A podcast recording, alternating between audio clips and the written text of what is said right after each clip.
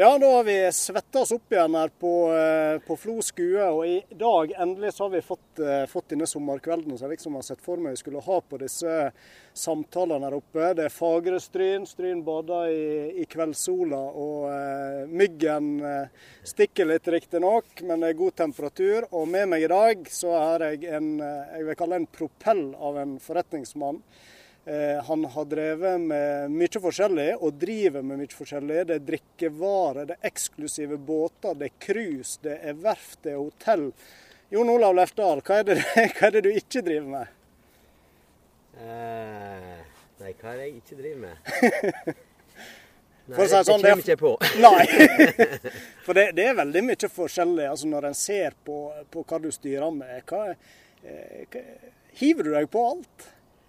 Nesten. Det var um, I forrige uke så fikk jeg uh, en telefon uh, og lurte på om jeg kunne være med på en uh, kjøtt- og delikatesseforretning på Eid. Og det var nummeret før. Og jeg ble entusiastisk etter fire generasjoner med slakte, slakteforretning og fetevarer på Nordfjordeid. Så, så var det nummeret før. Jeg var på han Trond Kroken og holdt på å overtale han til at dette gjør vi. Han, eh, Oldefar han eh, dreiv A.O. Lefdal på, eh, på nede i gata på, på Nordfjordeid. Og han bestefar han bygde Lefdal pølsefabrikk, og faderen bygde A.O. Lefdal-butikken. Og jeg har vokst opp i kjøtt- og delikatesseforretninga på Nordfjordeid. Og eh, gått der siden jeg var tre-fire år gammel og, og jobba og tjent mine første kroner. Og eh, Så når dette kom opp i forrige uke med senterlederen på Eid, så så sa jeg nesten ja. Og jeg var egentlig skikkelig gira i to dager.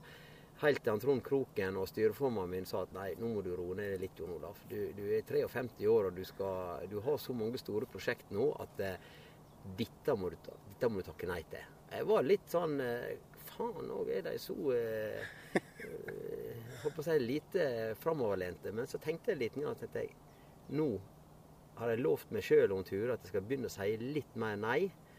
Og jeg skrev en hyggelig mail til han som spurte meg, og senterlederen, at jeg eh, takka høflig nei etter samråd med styreleder og forretningsutvikler Trond Kroken. Ja. Så eh, det er faktisk ikke mer enn eh, Jeg tror det var søndag, eller, mandag eller søndag jeg skrev mailen, så jeg, begynte å takke nei. Ja. Men den er kanskje bare lagt på is? Nei. Jeg, eller er det Nei, jeg eh, ble overbevist om at eh, Eh, jeg klarer ikke å la være. Jeg ville kommet til å engasjert meg. Jeg hadde sikkert blanda meg bort i å skulle lage kjøttdeig på min måte. Og eh, nei, jeg, ja. jeg takker nei. Det er Men, mange andre som må slippe til. Ja. Men du er jo inne på det. Du, du har jo dette her i generasjoner tilbake med å drive med altså denne kremmerånda, som en gjerne sier. Og, og, eh, du var jo inne på det. Starta i butikken til far din. Ja. Før skolen, var det ikke sånn? Jo da. Det var det var å følge faderen på jobb i sjutida om morgenen, og så var det ned og hjelpe han å skjære kjøtt og putte kjøtt i, kvenja, og så var det opp i hakkene, og så var det lage kjøttdeig, og, og, da lærte du det når du var bare noen eh, si, en nevestor, holdt jeg på å si. Og så, eh, ja, så jeg var med han hver morgen på, på jobb før jeg dro på skolen. Og jeg tjente mine første kroner fra jeg var fire år. Jeg eh, måtte pakke potet etter at jeg og en kompis hadde spist litt for mye sjokolade som vi ikke hadde kjøpt på forhånd. Så da måtte vi betale sjokoladen, men vi fikk litt ekstra. Så det var lønn som vi kunne da kjøpe litt til for. Og da lærte vi at eh, Men kom igjen dagen etterpå, og så jobber dere først, og så kan dere kjøpe det dere vil. Eh, og, og det, det satt. Og siden det har jeg jobba. Vil du si at det satte litt sånn Eh, om vi ikke skal dra så langt som til en filosofi for det du driver med, men, dette, men du lærte, lærte, noe der som du har tatt med deg? Eller? Det er ikke tvil. Eh, når jeg og Roger eh, måtte pakke poteter i flere timer etter at vi hadde sittet og spist twist eh, bak butikken, så, eh, så forsto vi bare klar beskjed. enten Alternativet var at han ville låse oss inn på fiskerommet. Og Der var det mørkt, og der var det vått, og der var det kaldt. Men eh, vi fikk da pakke poteter som straff for sjokoladen. og så og så, eh, når vi da fikk lønn etterpå, så tok hun mesteparten. Eh, gikk i kassa. Men det var litt igjen som vi fikk kjøpe sjokolade for. Og så fikk vi beskjed om å komme igjen dagen etterpå og pakke mer poteter. Og, og det, siden det har jeg altså jobba i butikken og tjent mine egne penger. Så når eh, kompisene mine fikk nye slalåmski og, og, sånne ting, så, så kjøpte jeg brukte slalåmski og brukte slalåmsko rundt om på bygda. og for da fikk jeg det litt billigere. Og så, sånn har jeg Jeg hadde jo tre eldre søstre, og vi hadde ikke god råd da. Butikken brant ned i 68, og faderen var ikke nok forsikra. Så vi har aldri, aldri mangla mat på bordet, men vi har vokst opp på utgått dato og holdt på. For det, det kunne ikke vi selge. Mm. Men eh, ble det mye jobbing rett og slett eh, i oppveksten, eller har du tid til litt andre ting? Hvordan var oppveksten på Eid? Ja, vi, var en, eh, vi, var i en 50-årskalas eh, med en kompis nede på Eid nå for tre-fire år siden. Tre år siden. Og da var det en av kompisene mine som sa at, til Turi da, at Jon Olav han har alltid jobba. Så når vi for fra skolen og, og hjem og spilte fotball, så for han på jobb og jobba, og så kom han da en par timer etterpå. Så jeg har alltid jobba. Alltid. Men jeg eh, Men du husker noe positivt? Ja, ja, ja. Det var jo, jeg tjente jo penger, og jeg kjøpte jo det jeg ville. Jeg, eh, jeg har alltid kunnet gjort det jeg har lyst til, og eh, aldri, aldri lidd noe nød av det. Og Nei, så jeg har, jeg har ikke angra på noe jeg har gjort. Mm. Men litt tid vet jeg, til alpinsporten hadde du iallfall en periode, stemmer ikke det? Du... Ja, Det er eneste hobbyen jeg har dyrka, og det, det, var, det var aktivt. Og da, der kjørte jeg aktivt i mange år. Det var vel til jeg var 16 da. da.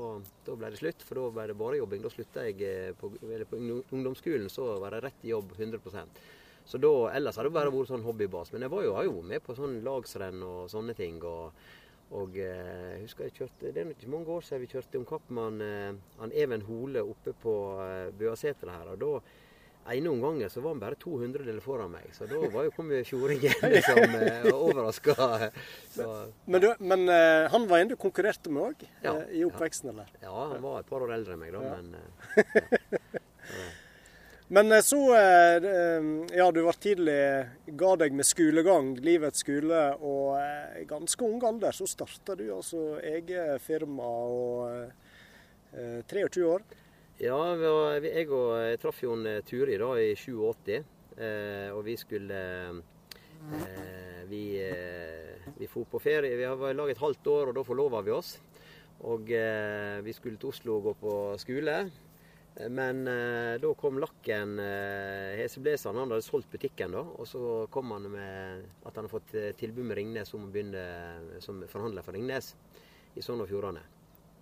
Og, men han var ikke i form da. Han hadde solgt butikken, han var sliten og han, eh, ja, han var ikke i form. Så han ville ha meg med. Og da hadde han et firma med gamle ølutsalget på Eida, med Nord Import. Så da hadde han 600 000 i, i, egenkapital der, og jeg skulle få halvparten, 300 000 i forskudd på arv.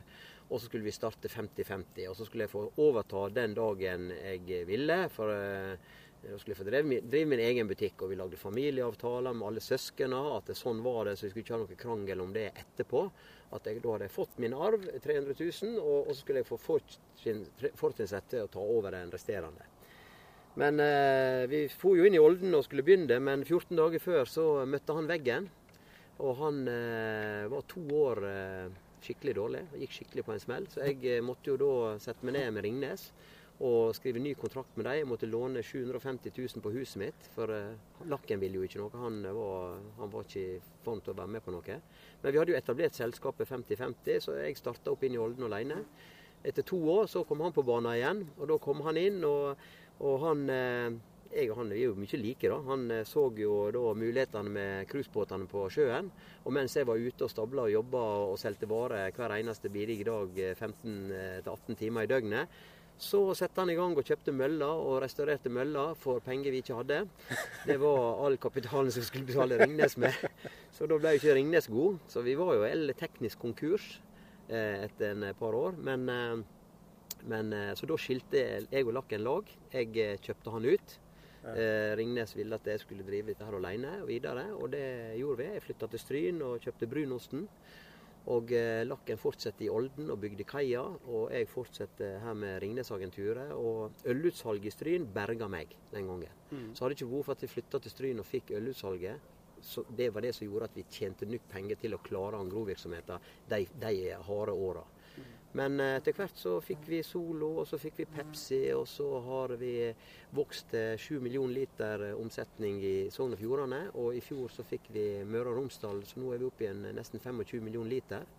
Så eh, det har vært et eventyr. Og de pengene jeg har tjent på det, har jo vært veldig rause med lag og organisasjoner rundt om. Jeg har sponsa alle idrettslag med Pepsi-gensere og, og reklame rundt om i hele fylket.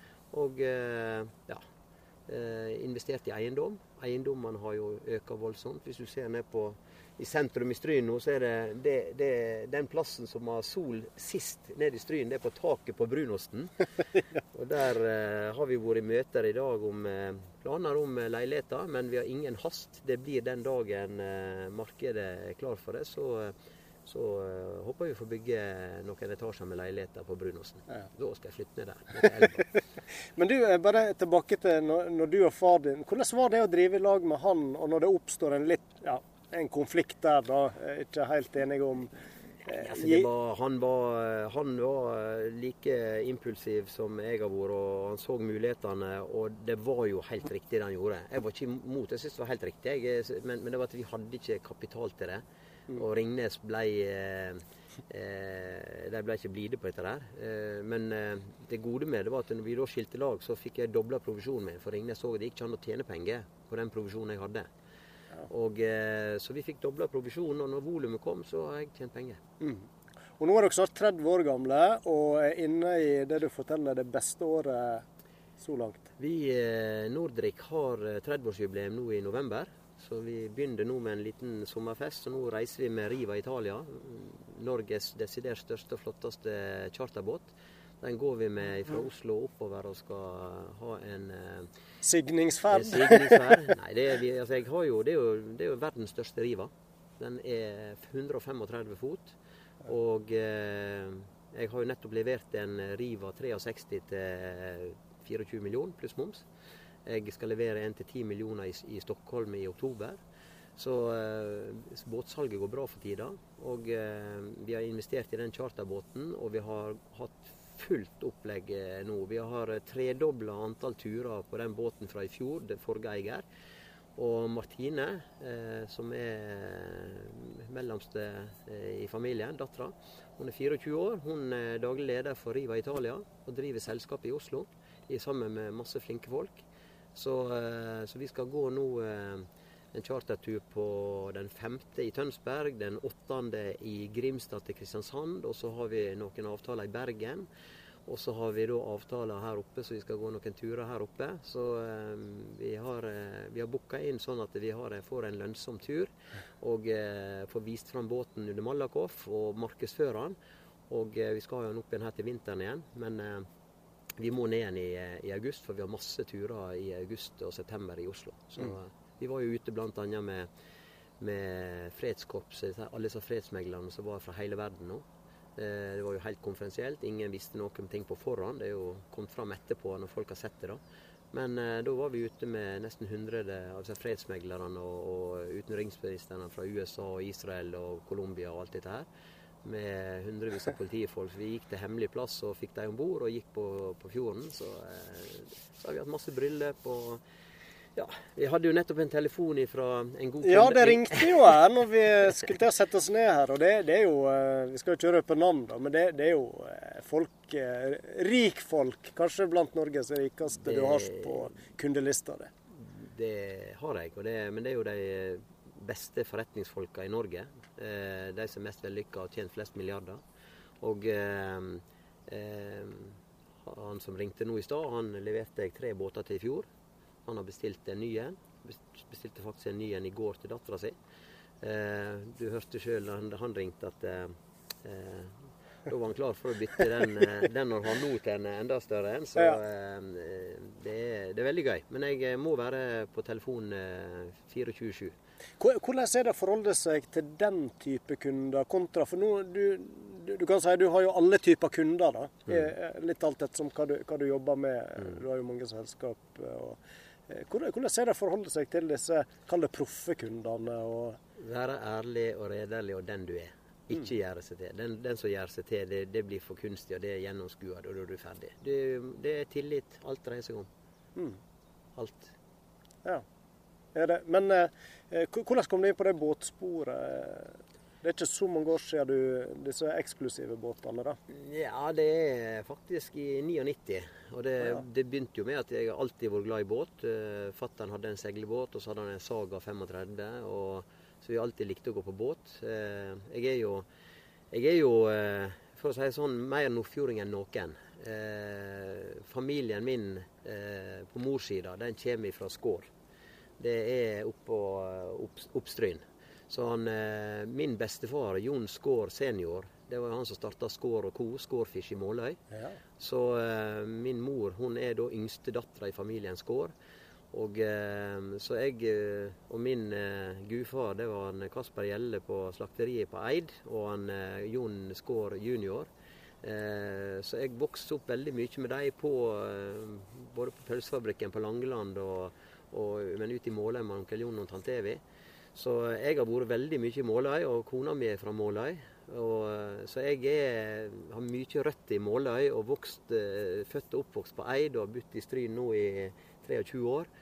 Så, Så, så du er, når folk spør hvor du er fra, da er det Nordfjord? Nordfjord. Ja. Jeg, jeg, jeg, jo- jeg, bor jo i Stryn, jeg er jo, er jo stryning da. Men eh, stort sett så sier jeg jeg er nordfjording. Så du er en av de som kanskje var tilhenger av å få en Nordfjord-kommune? Ja, eksempel? det er jo ikke noe hemmelighet i det hele tatt. Og jeg, eh, er ikke noe eh, Altså at jeg er ikke for uh, bare Stryn eller Måløy. eller Selvfølgelig så er du litt spesielt for Stryn, for det er her du bor og det er her du skatter. og det er her det Men så har jeg òg mesteparten av businessen min er per i dag på Eid. Så det er klart at Eid og Stryn er spesielt. Det, det er ikke tvil. Men, men du bare tilbake til Selje, som eh, du nevnte sjøl og du ble kobla på eh, det hotellet. Hvor eh, aktuelt er det for deg, tenker du, å, å bli en del av det? Å bygge opp igjen Selje hotell? Jeg har vært veldig, pos veldig positiv til Selje og Vestkapp og Selje kloster og, og der ute. Jeg ble jo spurt fordi jeg har nettopp kjøpt Nordfjordhotell. eh, Så vi har jo både Nordfjordhotell og Bryggenhotell på Eid. Og da, eh, da blir du, når du kjøper noe, så blir du spurt om å være med på andre ting. Så jeg har bare invitert med av andre investorer som ønsker å ha meg med. Fordi en har litt kapital, og fordi en har fått til ganske mye. Og eh, fordi jeg har ei cruiseguide på Eid. Så, eh, men jeg har sagt at jeg skal være med og bidra med å få sende masse turister ut til Selje. Og Selje kloster. Og eh, Vestkapp er spennende. Eh, Turist, nei, denne Stad skipstunnel er jo kjempespennende. Så det er klart det blir store prosjekt. Og om jeg blir med og investerer en million eller to, det kan hende. Men eh, jeg, ikke, jeg har ikke planer om å bygge opp Selje hotell eh, sjøl. Nei. Nei. Hva, hva tenker du som, som er en som bygger opp, er opptatt av å skape noe? Og du kjenner sikkert til eh, familien Berge som drev dette hotellet. Og så er det noen som da tar over etter mange års eh, Noe som har blitt bygd opp over mange, mange år, og så rett og slett bokstavelig talt setter fyr på det. Hva, tenker en da som eh, Ja. Altså, eh, For Selje så er det katastrofe. Altså at eh, eh, En ting at det brenner ned, men når noen setter fyr på det, eierne er involvert, så er det klart at det er katastrofe. Hen at du får ikke forsikringspenger ut for å rydde opp eh, tomta. Så de som kjøper og overtar der, må jo bruke masse penger på å rydde opp. Så, så det er en katastrofe. Altså at eh, så en av eh, En stor fiskebåtreder eh, på Stad, han sa til meg at eh, du savner, du, det er veldig mange ting du ikke savner før du har mista det. Og nå ser vi hva vi savner Selje hotell. Og det, det, du, du har det og tar det som for gitt. Han sa nå må vi kjøre til Måløy, vi må kjøre til Eid med, med, med, med kunder og gjester som vi har på besøk eh, på Stadlandet. Så må vi kjøre dem til Eid og Måløy. Så nå, nå ser vi virkelig hva vi savner Selje hotell. Så eh, ei bygd trenger et hotell. Absolutt det. Det er storstove. Men nå driver du altså eh, drikkevaredrømme i 30 år. Du har båtene, du bygger opp. Du er djupt inn i, eh, i, cruiseturisme etter hvert, og så litt etter hotellet. Hvordan klarer du å sjonglere alle disse ballene? Det lurer jeg på når jeg ja, nei, men Det har med interesse å gjøre. Altså, eh, Nordic eh, det, Jeg har jo jobba i butikk i hele mitt liv. Så, så det å få bygge opp Ringnes i Sogn og Fjordane Det gikk jo på å jobbe i butikk, det. Jeg sprang jo rundt eh, Først så sprang jeg rundt om og solgte inn eh, varer. Og når jeg fikk lov å selge inn varer, så fikk jeg en eh, liten plass i en butikk. Og da måtte jeg gjerne bygge om hele Ringnes, eller Hansa-avdelinga. Eh, og da var det beste måten jeg kunne gjøre det på. Hvis jeg rydda den i hop og tok halve plassen, så kom jo Hansa neste uke og, og, og heiv meg ut på lager omtrent. Så det jeg gjorde, jeg utvida heller. Jeg dobla brus- og ølavdelingene i butikkene. Så rydda jeg vekk litt kaffe og litt vaskepulver og litt sånne ting. Og så rydda jeg. Så jeg gikk gjerne hele natta og, og bygde om butikker i Sogn og Fjordane. Og når kjøpmannen kom på, på jobb om morgenen, så hadde jeg rydda hele butikken der.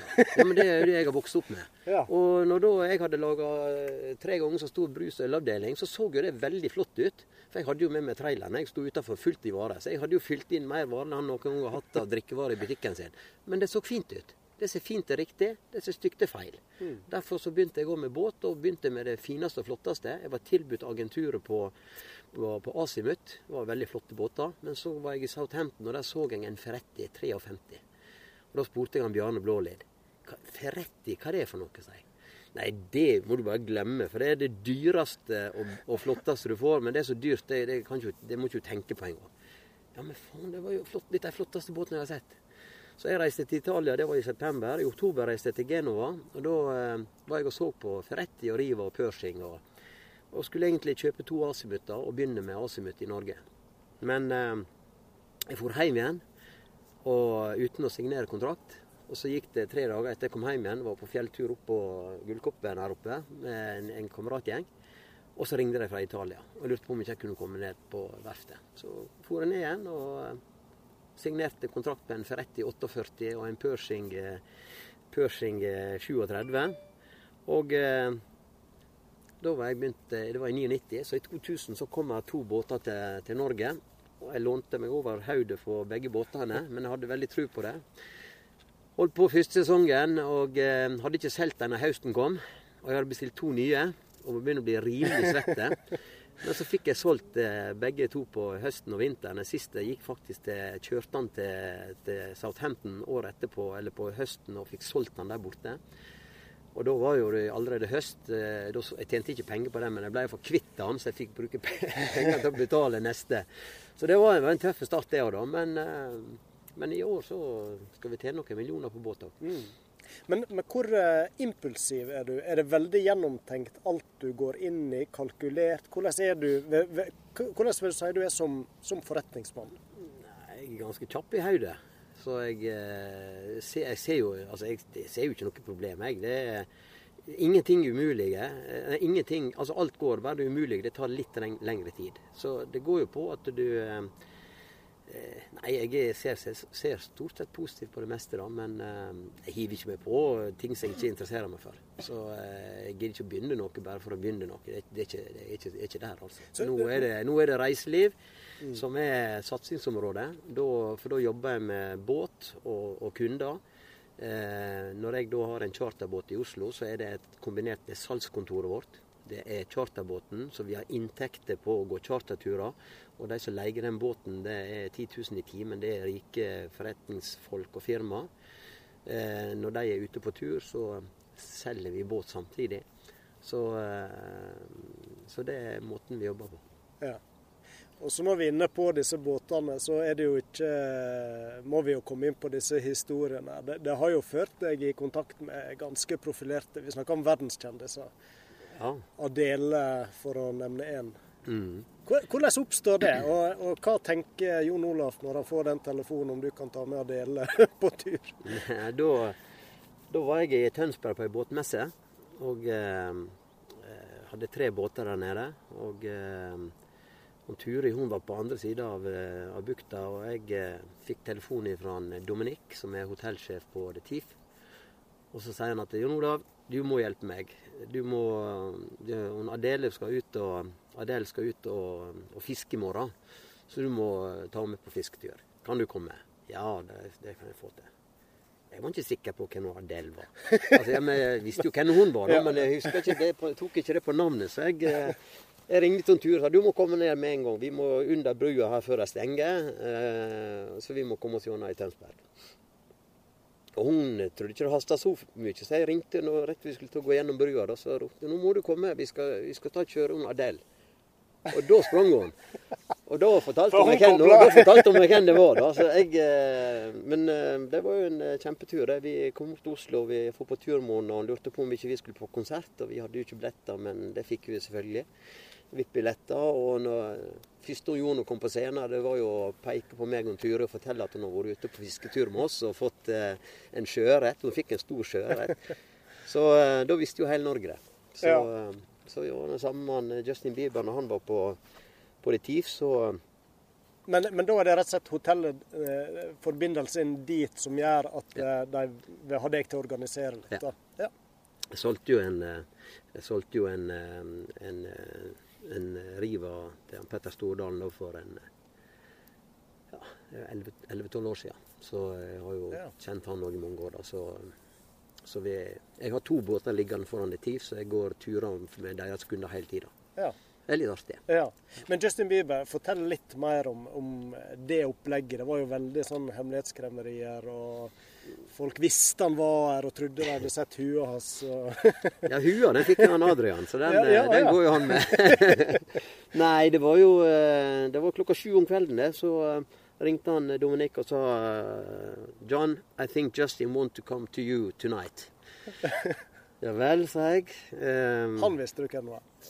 Eller? han visste hvem det var. Jeg hadde ikke så veldig sans for han da, etter det han hadde gjort med denne vannskvettinga rett før. da. Men eh, jeg fikk jo et helt annet inntrykk når han kom opp her og var her. Han er jo bare en, eh, en guttunge på 22 år som, eh, som eh, eh, har hatt det ganske tøft og hektisk eh, siden han var 14 år gammel. Så det, det er ikke bare bare dette livet der. Det oppdager en når en ser hva, hva det er. da. Snakka du med han litt? Ja, ja, jeg satt jo i Jeg satt jo i tre-fire timer alene, kun jeg og han i elvosen der og fiska og brente bål. Han, eh, han var jo på vei å reise da, eh, for det var så mye folk der oppe. Ja. Og eh, to ganger var han på vei å, å reise. Ja, han fikk Altså, nok? ja, nei, det var på dagen. Han skulle ikke være her hele dagen. Han skulle bare være en liten stund. Han skulle han til Sogndal og fiske, og så skulle han til Geiranger med helikopter. Men så, så eh, Alle fikk slappe av der oppe, og de fikk eh, Det var jo en fantastisk dag. Så eh, de koste seg enormt. Og eh, Men så kom det veldig mye folk borti veien, og da sa han at nå reiser vi. Og vi gjorde klar helikopteret, og bussene skulle fyke. og Vi skulle egentlig fyke han opp og Grotli, og skulle han gå på der.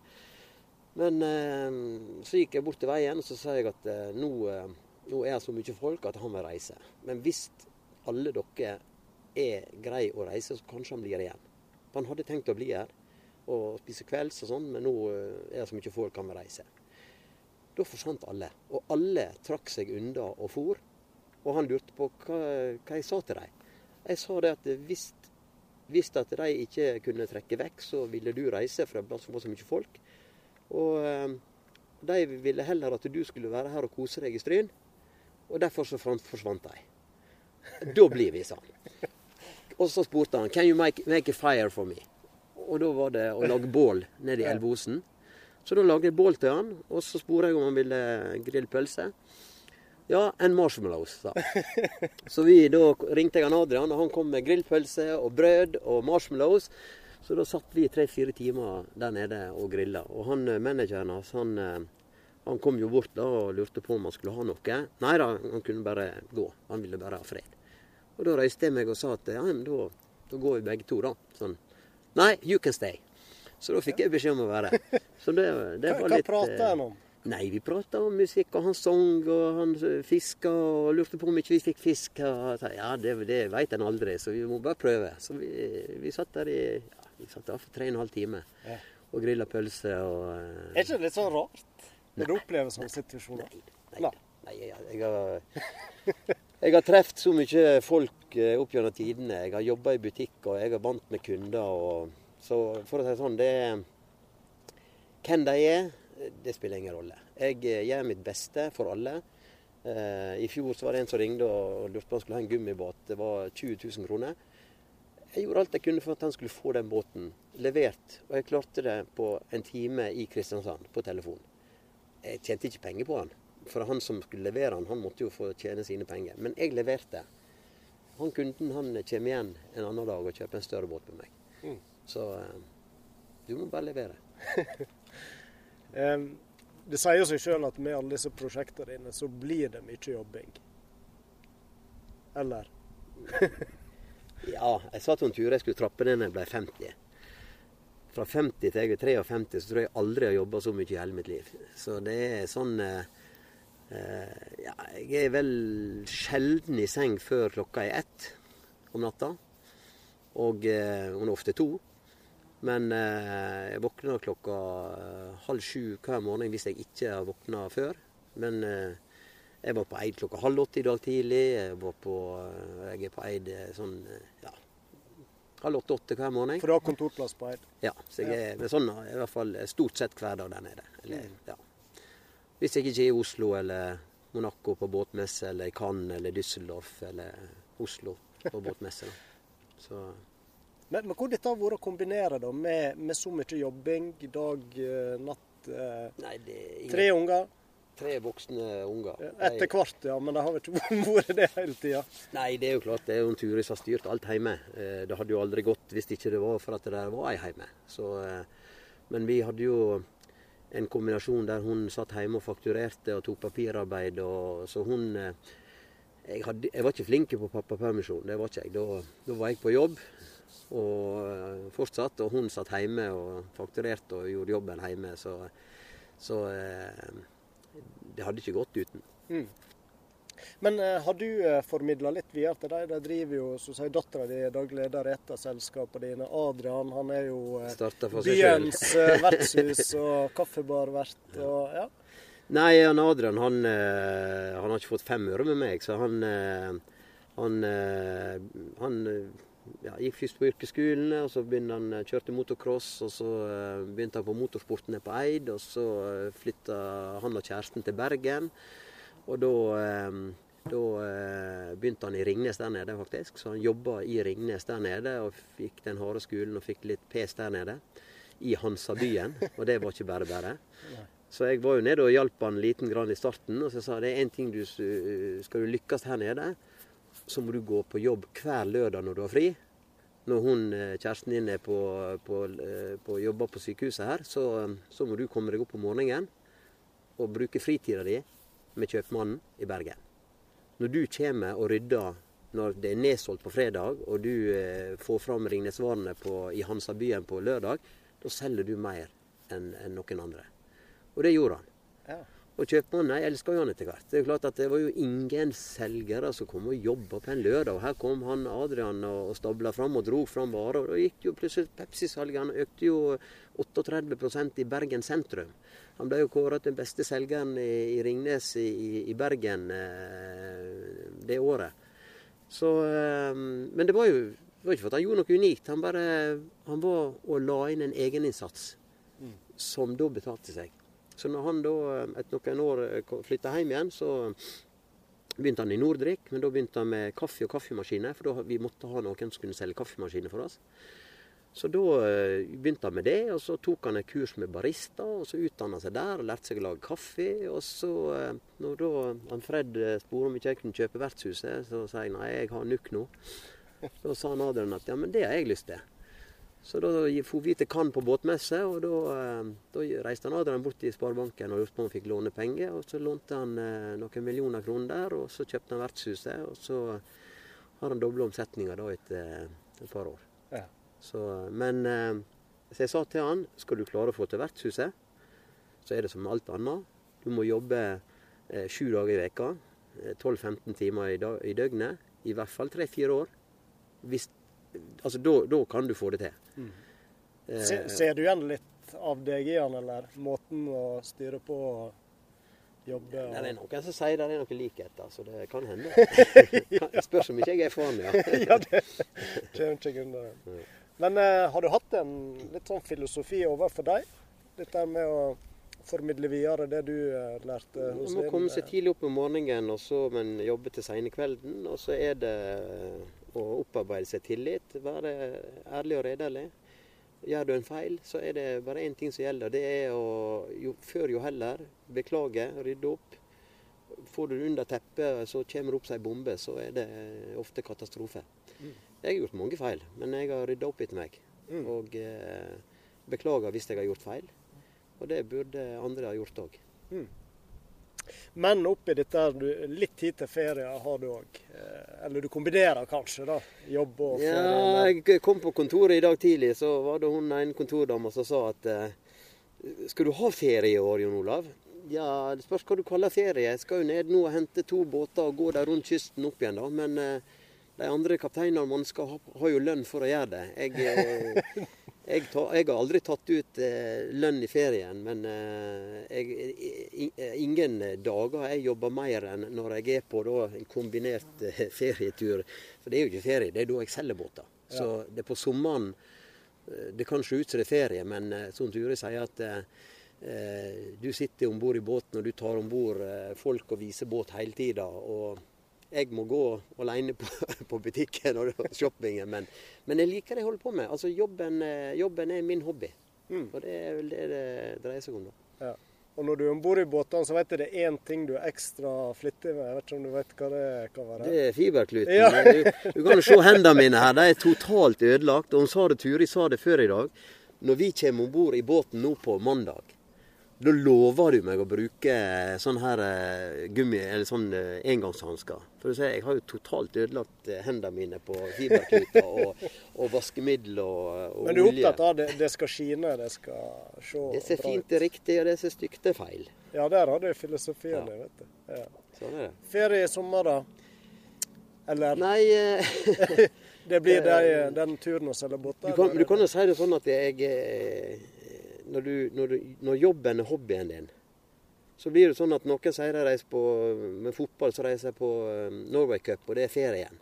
Mm. Og det er, jo, det er jo jobb og ferie sånn sett. Men eh, når jeg reiser på båttur, så, eh, så koser jeg meg. Og eh, om jeg da selger en båt underveis, så er jo det jobb, og det er jo det som er jobben å vise fram. Og må, du selger ikke bare en båt, du selger jo hele pakka. Altså, skal, hvorfor skal folk kjøpe en dyr båt til masse tusen og mange millioner kroner? Det er jo at jeg selger jo inn en pakke.